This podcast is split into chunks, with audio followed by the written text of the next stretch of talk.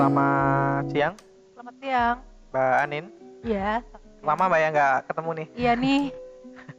Kita hari ini nih Mbak bikin podcast yang ngomongin tentang apa nih hari ini? Bekerja sebagai sarana untuk mencapai aktualisasi diri.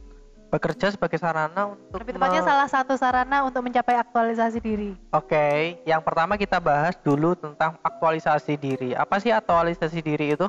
Aktualisasi diri itu terjadi ketika seseorang sudah merasa dirinya telah mencapai potensi terbaiknya atau menjadi versi terbaik dari dirinya sendiri.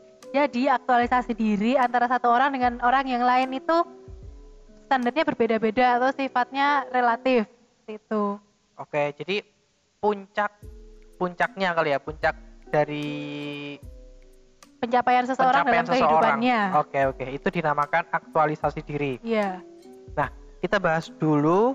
Selanjutnya kan kita udah tahu apa itu aktualisasi diri. iya. Setelah itu, kalau dihubungkan dengan dunia kerja, itu gimana?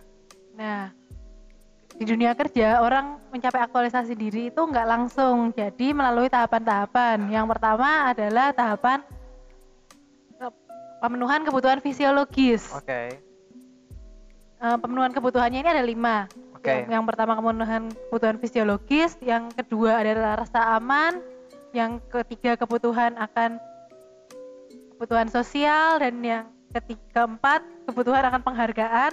Lalu yang terakhir sendiri atau puncaknya adalah kebutuhan akan aktualisasi diri.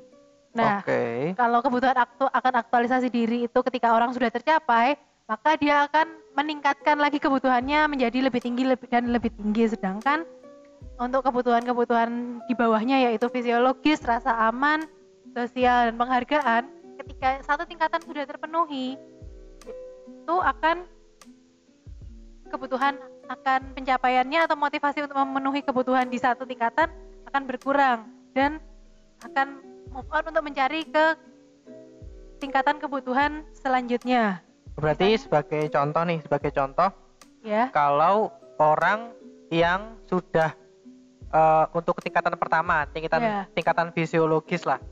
Ini misalkan nih orang sudah bisa memenuhi kebutuhan si tahap fisiologis itu, Iya. otomatis dia baru akan mencari kebutuhan yang di atasnya gitu ya. iya Contohnya kalau fisiologis itu tentang apa aja mbak? misalnya Fisiologis? fisiologis itu makan minum tidur Oke, pakaian rumah oke berarti yang yang yang kebutuhan kos-kosan gitu, dasar lah ya. iya kebutuhan dasar. Mu- Ya kalau di ya kalau yang sekarang itu kalau untuk kita kita mungkin makan terus minum minum ya makan minum terus tempat tinggal ya Tempat entah tinggal. itu berbentuk rumah kontrakan atau kos kosan ya. iya terus pakaian juga Nah itu pokoknya bisa memenuhi kebutuhan itu kebutuhan dasar kebutuhan fisiologis. iya Berarti kalau orang ini sebagai ilustrasi awal ya berarti kalau untuk orang-orang yang sudah bisa memenuhi kebutuhan fisiologisnya dia udah nggak bingung lagi sama kebutuhan Iya, jadi fisiologisnya. motivasi untuk mencari kebutuhan fisiologis itu berkurang. Oke. Seperti itu. Ya udah cukup, merasa cukup lah ya. Merasa- Bukan nggak butuh lagi, tapi dia kayak kayak apa? Kayak nggak terlalu menggebu-gebu gitu ya. Iya, Oke. itu. Oke, kita dijelaskan mulai yang tahap fisiologis. Pokoknya dari awal dulu, ya. Dari awal sampai tingkat ke atas. Dari segi itu apa namanya nanti yang ujung-ujungnya aktualisasi diri itu bisa didapatkan di tempat kerja. Gimana? Iya, begitu. Jadi ketika pada tahap pertama fisiologis untuk makan, minum, tidur, tempat tinggal, pakaian itu sudah tidak lagi kesulitan. Misalnya Oke. udah punya tempat, udah punya kos-kosan, terus makan terjamin tiga kali sehari, minum juga ada terus, pakaian eh, untuk kerja lima hari atau untuk sekolah atau untuk kuliah gitu adalah untuk setiap minggu sudah terjamin itu sudah kita nggak perlu lagi atau tidak terlalu lagi membutuhkan itu. Dan kita udah move on ke yang namanya kebutuhan tingkat kedua yaitu kebutuhan akan rasa aman. Oke, berarti yang pertama, kalau orang udah memenuhi kebut, udah ngerasa, misalkan nih teman-teman yang dengerin ini ngerasa sudah bisa memenuhi secara mandiri ya, memenuhi udah bisa bayar makan sendiri, udah bisa bayar kos-kosan sendiri, udah bisa beli pakaian sendiri gitu itu sudah lolos lah pada tahap pertama ini. Pada tahap kebutuhan fisiologis ini udah udah dia udah lolos. misalnya untuk pakaian gitu pakaian orang kerja sama pakaiannya orang main atau orang kuliah kan beda gitu loh Iya. orang kerja butuh beli seragam sedangkan orang kuliah mungkin pakaiannya bisa dirangkep sama pakaian buat main Iya, gitu iya, karena benar. pakaiannya kan nggak nggak ada seragam ya Nah, ah, oke oke. gitu. Oke, terus selanjutnya kalau udah bisa memenuhi itu kita naik ke eh, step selanjutnya nih tentang rasa aman. Itu gimana, Mbak? tentang rasa aman yaitu perasaan di mana seseorang ingin bahwa kehidupannya untuk survive atau untuk bertahan itu bisa berlangsung lama. Misalnya ketika orang sudah bekerja, dia pasti akan mempertanyakan kira-kira apakah pekerjaan saya ini menjamin keberlangsungan hidup saya sampai seumur hidup nanti Oke. atau sampai nanti saya punya anak cucu seperti itu. Berarti eh, lebih ke dia misalkan nih dia udah dapat kerja, dia Iya. udah dapat kerja itu dia udah bisa memenuhi kebutuhan yang pertama yang fisiologis. Iya. Terus yang kedua itu eh apa mungkin ini ya kayak jadi karyawan Ya, tetap ibaratnya- atau enggak lah gitu loh ya. Ah, ah. Jadi dia kalau misalkan dia udah jadi karyawan tetap misalkan terus Iya. dia udah nggak punya kekhawatiran akan di PHK dan lain-lain Iya, itu sudah bisa masuk tahap rasa aman. rasa aman ya. Sedangkan kalau orang yang kerjanya masih mungkin karyawan kontrak atau kerja serabutan, kebutuhannya yang terpenuhi baru kebutuhan fisiologis, tapi kebutuhan akan rasa amannya belum terpenuhi. Karena dia takut masih ada rasa takut untuk Tidak mendapatkan pekerjaan di kemudian hari, Iya. sehingga tidak memenuhi. sehingga tidak bisa memenuhi pokoknya. kebutuhan yang di bawahnya. Iya, Oke. itu. Sek- Ketika dia tidak punya, tidak yakin bahwa pekerjaannya tidak bisa memenuhi kebutuhan di bawahnya, mungkin dia mencari pekerjaan lain, misalnya buka usaha atau cari income-income pasif lainnya ya. Mungkin bisa mengcover penghasilannya ketika dia bekerja sebagai karyawan yang tidak tetap dan Oke. sewaktu-waktu bisa dipecat seperti Oke. itu. Ya berarti eh, pada saat Oke, berarti orang tetap tetap harus bisa mendapatkan Rasa rasa, aman. aman. ini ya, Iya, apa pun betul. caranya lah ya. Iya, misalnya dengan c- usaha buka warung Ah. atau buka online shop seperti Ah. itu. Pokoknya yang pokoknya bisa harus bisa capai rasa aman gitu ya. Iya, Oke. Setelah itu kalau sudah bisa merasa aman, aman, yaitu kita mencari kehidupan sosial dalam bentuk cinta dan kasih sayang dari orang lain, misalnya dari keluarga, dari teman. Misalnya dari teman teman gitu, kita membangun pertemanan atau klik atau istilahnya geng gitu. oke. Lingkungan Atau- sosial. Iya lingkungan sosial. Setelah pertemanan kita juga perlu koneksi kan untuk membantu pekerjaan kita. Kalau dihubungkan dengan dunia kerja berarti orang-orang yang sudah eh, Merasa mencapai aman tahap ya pekerja. udah udah udah capai rasa aman untuk yang sosialnya itu berarti dia punya lingkungan pertemanan yang yang baik kali ya di Iya, tempat kerja. Lingkungan pertemanan yang baik. Jadi mungkin punya uh, klik-klik gitu atau geng-geng gitu Oh, atau oke. uh, peer group gitu. Oke, peer group yang Ya. Ketika dia Membutuhkan. membutuhkan itu teman-teman itu selalu ada. Iya, seperti itu kurang Oke. lebih. Bisa aja. Um, mungkin kalau tidak bertemanan yang lebih tinggi, cinta, misalnya punya pasangan. Oke, pasangan hidup, Hidup, berarti di luar iya. kantor ini ya. Iya, terus membangun keluarga, punya anak. Oke, iya. Iya. Ya kalau kalau kita ngomongin yang kenyataannya aja ya Di emang kantor. kalau misalkan udah punya pekerjaan yang tetap, Iya, ha. udah punya tabungan ya Iya. mau nunggu apa lagi kan biasanya gitu. Iya. Karir betul. udah udah tinggal nunggu proses naik lah karir Iya, di betul, kantor. betul. Ya udah tinggal udah waktunya kan, Iya, udah betul masanya sekali. ya udah menikah. Itu benar Iya, juga. betul sekali. Itu bagian dari sosial. Berarti ada yang di Iya. kantor, pertemanan di kantor, juga Ah. ada yang di luar tuh keluarga. Iya, iya. Oke, benar. Setelah itu tentang Setelah itu adalah ke- setelah kebutuhan sosialnya terpenuhi di mana dia merasa mendapatkan cinta, kasih sayang dan dukungan dari lingkungan sekitarnya. Yang selanjutnya adalah kebutuhan akan penghargaan yaitu merasa dirinya dihargai sebagai karyawan di kantor tersebut. eh, bentuk nyatanya seperti apa kira-kira Mbak? Misalnya ketika dia berhasil melakukan pekerjaan, karyawannya memberikan bukan Perusahaan. karyawannya, sorry, perusahaan memberikan kontribusi berupa Reward kali ya. reward eh, ya memberikan reward berupa misalnya eh, lembur. Itu kan lembur itu kadang membebani kan tapi di satu sisi orang merasa dengan lembur itu Dapat di- merasa dipercaya gitu. Hmm, dihargai karena diberikan tantangan yang lebih gitu. Oke. dipercaya kinerjanya baik gitu. Oke, oke. Eh, berarti ber- ada berbagai macam reward lah ya yang Iya, biar betul. dapatkan sebagai tanda bahwa dia itu mendapat pengha- penghargaan di kantor, dia Iya, mendapat kepercayaan lebih dari Iya. perusahaan. Selain dikasih lembur, nanti mungkin bisa dikasih tanggung jawab yang lebih di luar pekerjaannya kayak gitu. Contohnya gimana? Misalnya hmm, seorang call center yang biasanya bagi em, cuma bertanggung jawab untuk mendata telepon-telepon yang masuk. Ya. Terus selain itu nanti dikasih pekerjaan misalnya selain data telepon-telepon yang masuk juga eh, misalnya diminta untuk ngerjain pekerjaannya orang public public relation misalnya tuh apa namanya menghubungkan dengan kantor lain seperti itu. Berarti dikasih tanggung jawab yang lebih daripada Iya, yang job lebih. desk-nya yang Ya. saat ini dikerjakan Heeh, gitu ya. heeh. Misalnya dosen gitu, nggak cuman ngajar, tapi Oke. juga ngurusin pekerjaan administrasi mahasiswa seperti itu. Oke oke oke. Terus mungkin kalau di, di lingkungan apa namanya eh, dosen mungkin juga dikasih jabatan fungsional kali ya. Iya betul. Oke Heeh. itu juga salah satu bentuk kepercayaan Iya selain itu, universitas kan iya selain dalam bentuk tanggung jawab yang di luar tanggung jawab biasanya atau penambahan tanggung jawab, bentuk penghargaan yang juga bisa dalam bentuk yang lebih tinggi, misalnya status yang dinaikkan atau kenaikan jabatan seperti itu. Oke benar benar benar. bisa Ah. juga dalam bentuk keter- melibatkan karyawan tersebut dalam pengambilan keputusan krusial perusahaan gitu. Ah ya ya. Kalau misalkan seseorang itu sudah di apa namanya diikutkan dalam eh, apa namanya kayak eh, rapat yang itu mengambil keputusan untuk perusahaan, kayaknya dia merasa pen- penting gitu loh, Iya penting betul untuk perusahaan sekali, gitu betul ya. betul. Berarti dia memang Iya. benar-benar dibutuhkan Iya dia merasa dibutuhkan di situ. hmm, untuk perusahaan itu.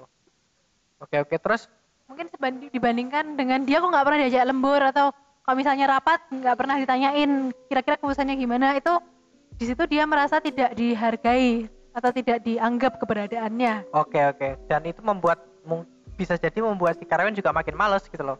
Iya betul sekali Dia kayak saya ada di sini tapi kok saya kayak nggak dianggap. nggak dianggap gitu loh. misalnya di organisasi mahasiswa aja ya. Ah. ketika eh, ada karyawan ada beberapa orang awak atau anggota gitu kok yang dianggap cuma beberapa nih yang lain Ah. mana Ah, ah. itu yang lain yang nggak dianggap itu merasa nggak dihargain dong keberadaannya Ya akhirnya dia malah males berkontribusi, dia Iya, malah males datang karena dia datang nggak datang ya sama aja. Maksudnya Iya nggak ngefek apa pun gitu betul loh. sekali Kalau mungkin dia pada saat rapat dimintai pendapat, Iya. terus pendapatnya juga dipertimbangkan, Iya. itu juga dia merasa dibutuhkan Iya, gitu untuk organisasinya.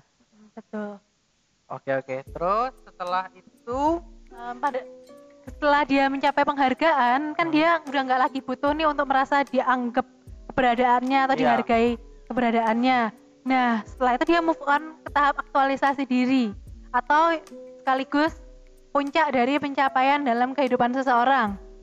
Nah oke, ketika dia sudah merasa udah nggak terlalu mikirin untuk dihargai lagi atau mikir memikirkan akan pengakuan dari keberadaannya ya, dia em, merasa sudah mencapai versi terbaik dari dirinya dan selanjutnya dia ingin terus berkembang dengan selantiasa meningkatkan atau melakukan self improvement untuk pengembangan dirinya seperti itu oke. Jadi contoh-contoh ini, contoh konkretnya seperti apa? Contoh konkret untuk eh, karyawan yang sudah masuk pada tahap aktualisasi, aktualisasi diri. diri. Misalnya ketika dia bekerja Ya, terus dia em, setiap rapat pendapatnya selalu dipertimbangkan oke. diperhitungkan oleh pihak perusahaan Mm-mm. Nah, di situ dia ingin mengembangkan diri lebih lagi dan bekerja lebih baik lagi. Misalnya penge- pengembangan dirinya dengan bekerja lebih baik itu yang tadinya pekerja kualitas pekerjaannya cuman misalnya A minus, ini pe- pengen pekerjaannya A. Yang kualitas pekerjaannya sudah A, pengen kualitas pekerjaannya jadi A plus. Misalnya eh, si bosnya tadi sudah mengapresiasi pekerjaannya dan Ya. menja- jadi karyawan ter- karyawan teladan. Nih udah dia udah dapat karyawan teladan dong. Hmm. Nah, pengen yang lebih mengembangkan diri lagi sebagai karyawan teladan, yaitu mempertahankan predikatnya atau melakukan pengembangan-pengembangan diri lainnya. Misalnya, eh, berkontribusi misalnya lembur tanpa diminta Oh, berarti dia OCB sudah pada tahap eh, apa ya? Udah nggak mikirin lagi kompensasi apa yang akan didapat. Iya. Terus bagaimana? Jadi dia memang mikirnya sudah berkontribusi gitu loh, berkontribusi terus Ah, ngasih sumbangsi untuk Iya. si organisasi tempat dia berada itu. betul sekali misalnya dimintain kerja minggu-minggu gitu atau pas weekend aja Mm. Sabtu yang harusnya libur Iya. bisa sama keluarga dia mau meluangkan waktu untuk bekerja Oke. Iya iya iya itu itu juga salah satu bentuk nyata kali ya dari apa dari Iya, aktualisasi betul. diri. Terus Iya.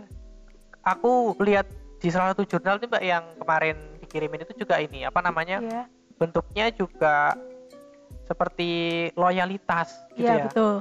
Jadi karyawan yang memang dia sudah mendapatkan eh, apa hal-hal seperti fisiologis sampai dengan penghargaan dari eh, dari company-nya, dia bakal dengan senang hati gitu loh stay di situ Iya betul sekali. dengan senang hati berkontribusi Iya. terus bahu membahu lah untuk Iya. memajukan uh, perusahaannya bersama-sama. Bahkan ketika ke- ke- karyawan yang bukan divisinya membutuhkan bantuannya dia, dia dengan sukarela membantu tanpa memikirkan uh, balas budi atau Oh, honor yang oke. akan dia dapatkan. Karena gitu. memang pikirannya ya memang untuk kemajuan bersama, untuk betul untuk sekali. kemajuan perusahaan secara bersama-sama Iya, gitu ya. betul sekali. Oke. Itu cukup penting Mbak ya untuk ini ya, Iya, betul. untuk perusahaan ya. Iya, betul sekali. Jadi em, seberapa be- besar, seberapa cepat orang mencapai aktualisasi diri itu sifatnya relatif tidak bisa disamakan antara orang yang satu dengan orang yang lain. Tidak bisa diukur dengan umur kali ya. Iya, tidak bisa diukur dengan umur. Mungkin orang yang ba- baru bisa, mungkin orang yang em, makannya cuman bisa dua kali sehari atau tiga kali sehari, tapi makanannya sedikit-sedikit, cuman makanan yang seadanya gitu, Iya.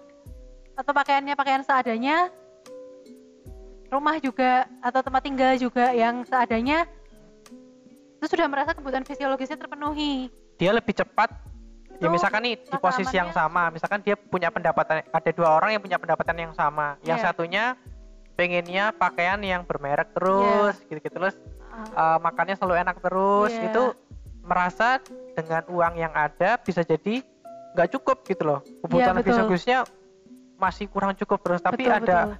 orang yang lain yang dia hidupnya nggak terlalu mewah banget biasa aja terus ya pakaian ya ya memang pantas layak tapi Iya. nggak harus bermerek terus gitu loh nah itu Iya. bisa jadi dia lebih cepat untuk mencapai menyelesaikan tugas si aktualisasi uh, dirinya. aktua- iya lebih cepat naik naik naik naik gitu Iya, ya betul sekali. Oleh Ya. karena itu jangan terlalu apa ya em, terfiksasi di satu kebutuhan. Jadi ka- ketika kebutuhan fisiologisnya sudah terpenuhi, ya carilah rasa aman atau move on ke tingkat ke kebutuhan selanjut- selanjutnya yaitu rasa aman.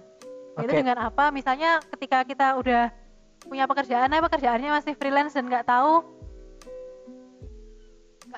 nggak- tahu kita dari pekerjaan kita itu berpotensi untuk bisa membantu kita survive apa enggak. Nah, kita cari lagi pekerjaan lain yang mungkin lebih em, sustain atau bisa bertahan lama.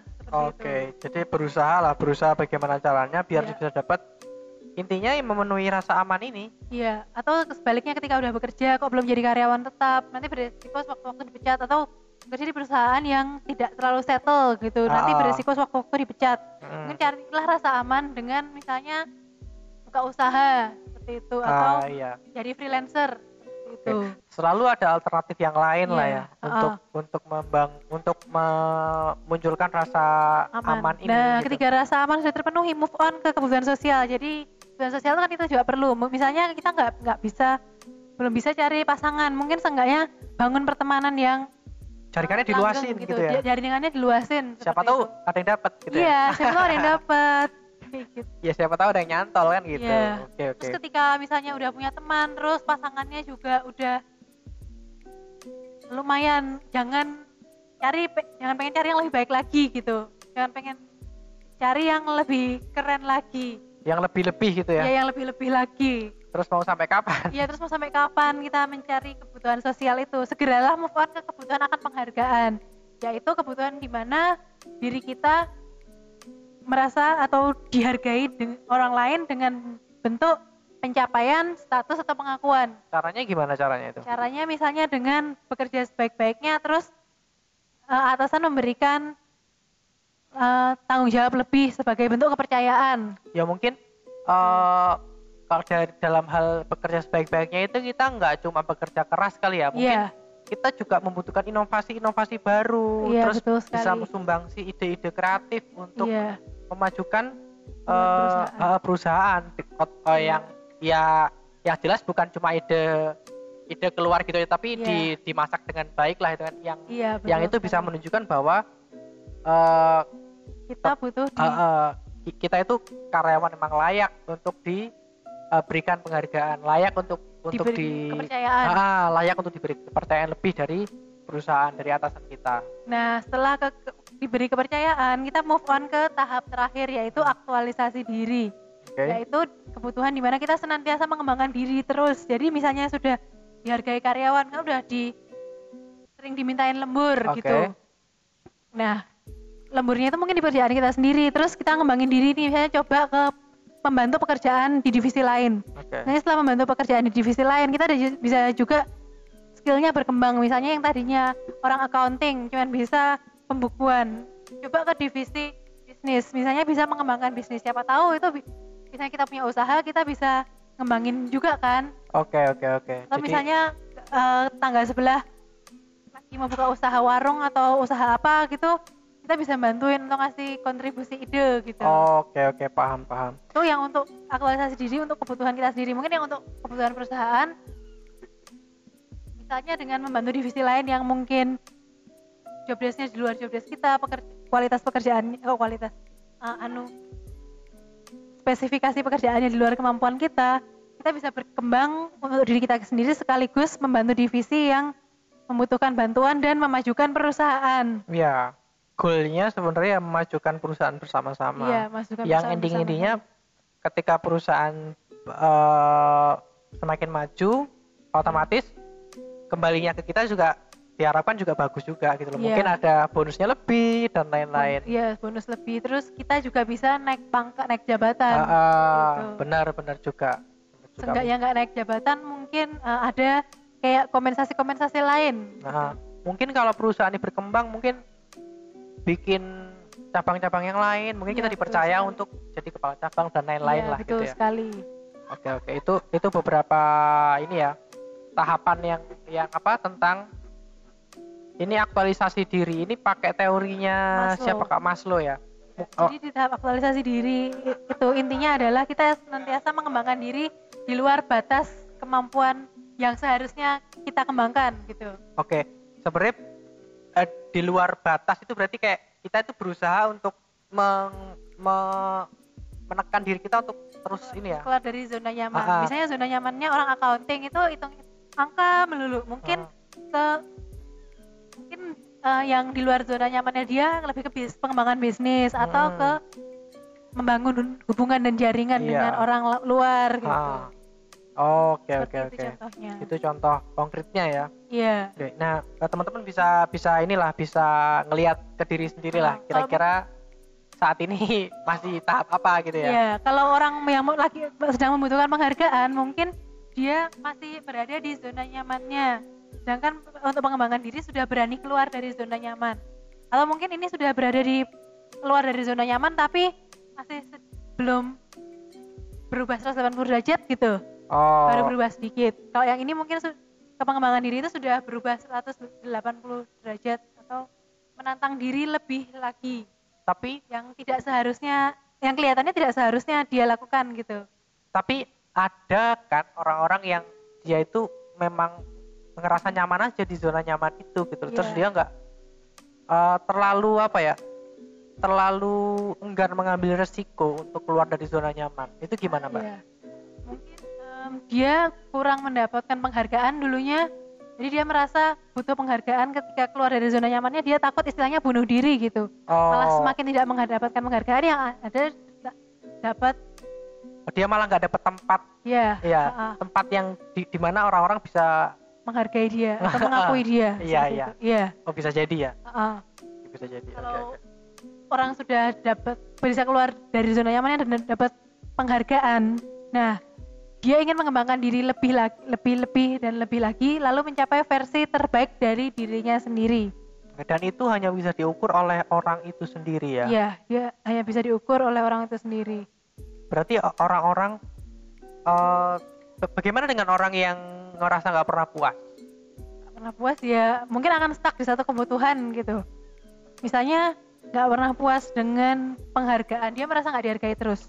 Ya, Misalkan gini, Ya, ya misalkan dia sud oh berarti kalau misalkan orang-orang yang sudah pada tahap aktualisasi diri memang biasanya bisa, bisa jadi dia memang nggak pernah puas maksudnya gini nggak pernah puas dalam arti positif. ah, Iya, maksudnya dia dia udah bisa ini mengembangkan terus diri. dia mau mengembangkan hal yang lain lagi dia mau melakukan sesuatu yang lain lagi gitu-gitu Ya, ya itu karena dia sudah merasa mendapatkan penghargaan. Jadi walaupun dia nanti diberi kritikan pedas, dihina gitu, tidak masalah. oh dia nggak mau ambil pusing lah ya Iya, nggak mau ambil pusing. karena kebutuhan orang. untuk penghargaannya udah cukup udah Iya, sudah cukup. ya udah ngerasa itu bukan sesuatu yang apa ya terlalu penting lagi kali ya karena Iya, dia udah betul. merasa cukup gitu ya Iya, betul sekali. oke oke oke Misalnya eh, orang punya usaha, orang yang em, di pekerjaan, misalnya pekerjaannya sebagai karyawan udah tinggi, terus mau buka usaha restoran atau usaha butik gitu, itu Ya. resikonya tinggi kan? Misalnya Iya, karena dia keluar dari zona nyamannya dia Iya. di kantor ya di, sebagai karyawan tetap yang penghasilannya stabil, Mm-mm. terus dia buka usaha yang modalnya juga nggak nggak kecil nggak kecil dan eh, survivalnya itu tergantung pada eksistensi perusahaannya Iya. itu. Nah itu beresiko kan. Ketika dia udah nggak ambil pusing masalah nanti penghasilanku gimana kalau aku bangkrut karena sudah punya penghasilan tetap dan semua orang-orang di perusahaan itu nggak mungkin menurunkan dia atau menggulingkan dia dari jabatannya. Iya. Jadi beranilah dia mengambil resiko untuk buka usaha walaupun nanti usahanya nggak laku. oh oke oke Pa- ya berarti kalau seperti itu pada kondisi dia sudah punya pekerjaan tapi pekerjaan dan- mau nambah nambah ini ya nambah buka usaha gitu ya Iya. di luar pekerjaannya yang Iya, ini Dan dia di, di lingkungan kerjanya dia sudah mendapatkan penghargaan dan kepercayaan dari orang-orang di dalamnya oke sehingga dia berani mengambil resiko untuk buka usaha. toh ya kalau misalkan bangkrut ya udah bangkrut gak apa-apa gitu Bangkrut bangkrutnya Iya. eh, dia masih punya pekerjaan tetap atau Ah. punya pengakuan di kantornya sehingga Ah, oke oke dia tidak khawatir dia tentang tidak khawatir. Ah, betul sekali. mungkin aktualisasi, aktualisasi diri bentuknya bisa macam-macam kali ya Iya, selain itu mungkin kalau kita lihat eh, orang-orang Artis gitu. uh, uh, ini apa namanya mungkin dengan bentuk dia membentuk kegiatan-kegiatan sosial dia Iya. membantu dia kan bisa jadi dia berkecukupan gitu ya ber- Iya. berkecukupan secara finansial Iya, akhirnya betul. dia pengennya berkontribusi untuk lingkungan sosialnya Ya, misalnya artis gitu Hmm. membuka kayak lembaga membuka sekolah kepribadian, membuka butik, membuka eh, kayak lembaga sosial, misalnya kayak di doang itu kandang doang gitu, Hmm. apa, membuka kayak sekolah-sekolah gitu, oke oke ha, ha, ha. atau membuka panti asuhan oke juga. ha, ha, ha. Terus eh, itu menantu-menantunya SBY yang Iya. membuka lembaga Tunggadewi Foundation seperti itu. oke Cinta Laura dulu pernah mengajar di suatu sekolah di Bogor. Oke oke. Jadi memang uh, pada tahap dia pengen berkontribusi untuk untuk sosial ya. Itu Iya. salah satu bentuknya. Ya aktualisasi bentuknya bisa banyak sih gitu loh. Iya, betul. Salah satu bentuknya yaitu bikin apa? melakukan sesuatu untuk lingkungan sosialnya. Kayak misalkan Iya. Bill Gates gitu juga kan. Dia uh, mem- membangun yayasan yang itu uh, apa namanya untuk memang dia berkontribusi dia nggak butuh nggak butuh apa namanya nggak butuh penghargaan dia entah orang apa namanya entah orang ngasih apresiasi atau enggak dia nggak ambil pusing. Dia Iya. yang penting mau melakukan sesuatu itu ya udah dia melakukan sesuatu itu Betul gitu ya. sekali- oke oke. Eh, ada tips nggak pak untuk orang-orang yang ini apa namanya biar bisa keluar dari zona nyaman biar di, dia biar dia biar dia bisa naik tingkat gitu? Karena kan susah ya kalau udah biasa di zona nyaman gitu terus terus gitu terus kalau nggak Ya. usah ini sih nggak usah telah ya misalkan gini orang yang udah dapat kerja nih kerja walaupun dia merasa nggak puas sama kerjaannya sekarang dia itu terlalu takut untuk keluar ke tempat yang baru karena takutnya nanti dia dapat lingkungan kerja yang lebih buruk dia Iya, dapat kompensasi sekali. yang lebih buruk pasti itu kan juga dia takut keluar dari zona nyaman gitu loh Iya. padahal di luar sana ada dua kemungkinan kemungkinan buruk itu atau kemungkinan yang lebih baik gitu loh Nah, yang pertama positive thinking. Pikirkan aja kemungkinan terbaiknya. Tapi kalau terjadi kemungkinan buruk, kita juga harus antisipasi. Misalnya dengan membangun pertemanan di lingkungan kerja yang lama seperti itu. Jadi Oke. misalnya habis kerja refreshing gitu untuk kongko-kongko sama lingkungan teman di lingkungan kerja yang lama supaya tetap em, untuk jaga-jaga ya Iya, kalau misalkan jaga-jaga. tempat yang baru itu kurang Iya, asik kali iya, ya supaya tetap bisa sehat secara ini ya mental, iya. sehat mental oke oke gitu. terus ada Terus? Lagi ya bangun untuk takut, masalah pertemanan ya bangun pertemanan dengan tidak hanya lingkungan kerja teman di lingkungan kerja yang lama tapi juga teman-teman di kampus misalnya atau di kompleks gitu.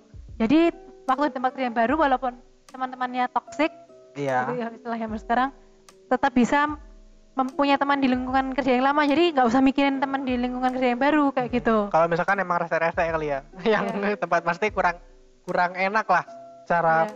apes-apes sih ngono maksudnya iya heeh. se se nggak beruntung beruntungnya begitulah Iya. dia masih punya cadangan-cadangan Iya. lah Terus kalau merasa misalnya di lingkungan kerja yang baru kita buat inovasi kok malah nggak dihargain, Hmm. ya udah nggak usah ambil pusing dulu. Kita tetap berinovasi aja atau sumbangkan ide kita toh niat kita udah baik gitu. Hmm, hmm.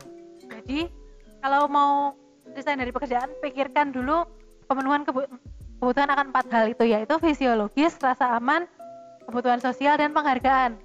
Kalau Iya. misalnya em, di lingkungan kerja yang lama salah satunya nggak memenuhi dan lingkungan kerja yang baru yakin bisa memenuhi, oke lah resign. Tapi kalau lingkungan kerja yang lama tidak memenuhi ling- dan lingkungan kerja yang baru belum memenuhi, siap-siap aja ya stay dulu aja. Siapa Oke. tahu di sini kita bisa menemukan. Hanya saja belum mungkin. Oh, oke mungkin Ya. belum dikasih kesempatan di Iya. tempat kerja yang sekarang oke bisa Karena jadi eh, cari kerja di tempat yang baru belum tentu kita mendapatkan yang kita inginkan dari aspek fisiologis, rasa aman, sosial atau penghargaan. Jangan-jangan kita nggak dapat satu malah nggak dapat dua-duanya kan? ya ya memang memang untuk untuk keluar dari zona nyaman itu emang ya soal keberanian Ya, sih gitu pikirkan ya resikonya dulu Ah, kita harus- dapat dua-duanya. mungkin kalau dari segi kerjaan yang lebih sebagai orang dewasa ya Ya. itu eh, soal finansial juga harus dipikirin Iya. sih Oh. gitu loh Kalau- takutnya Ya. di tempat yang baru Malah nggak jamin. nah itu juga gitu loh Iya. Dan Bener track juga. record pengalaman kita kan juga penting. Ah, ah, bener-bener ya untuk orang-orang yang mungkin orang-orang yang eh, nggak terlalu ngebet untuk keluar dari tempat kerja ya ditunggu dulu lah sampai misalkan setahun kali ya Iya. biar biar eh, reputasinya Iya. nggak terlalu buruk gitu ya Mungkin eh, untuk keempat ini kita bukan nggak dapet, hanya saja belum. belum bisa jadi ya benar belum benar. menemukan mungkin. belum Jadi jangan menemukan terlalu cepat untuk memutuskan resign. oke oke Pasti Jadi ya tunggu perusahaan dulu. kan ada plus minusnya ya kalau Ah, misalnya kita. nggak ada tempat yang perfect deh kayaknya Iya betul. oke oke Eh, cukup itu mbak atau ada tambahan lain Sementara ini cukup sekian dulu. Oke, bincang-bincang kita tentang aktualisasi diri ya. Jadi teman-teman Iya. bisa sekali lagi teman-teman bisa cek nih. Kira-kira sekarang lagi di tahap apa nih? Kan setiap orang beda-beda. Ada yang masih tahap baru baru dapat kerja itu kayaknya masih ini Nah, fisiologis, ya. fisiologis. Heeh. baru baru berapa bulan kerja masih masih belum belum ini belum belum naik ke tahap-tahap Iya, yang lain. Kalau em, pekerjaannya sudah aman dan kemungkinan sudah fix, mungkin udah mencapai tahap rasa aman seperti Iya, itu. udah rasa aman, tinggal next ke tempat selanjutnya. Cuman ini nggak paten ya, bisa jadi orang-orang eh kayak misalkan nih, tadi kan ngomongnya orang-orang fisiologis dulu, rasa aman dulu, terus baru dapat sosial. Di sosial itu ada pernikahan. Bisa jadi orang-orang menikah dulu, bisa jadi kan? Menikah dulu, terus setelah menikah baru dia dapat posisi yang Iya. bagus itu kan ya Iya, ini ya iya. apa namanya orang ya. Kita Heeh, nggak. Nggak ini kan teori jadi Iya. nggak nggak saklek gitu loh bisa Iya. jadi di kenyataannya bisa jadi berbeda gitu oke ini untuk untuk referensi teman-teman aja sih oke Oke. oke terima kasih mbak Anin Ya, terima kasih kembali. Sampai jumpa di kesempatan selanjutnya. oke bye bye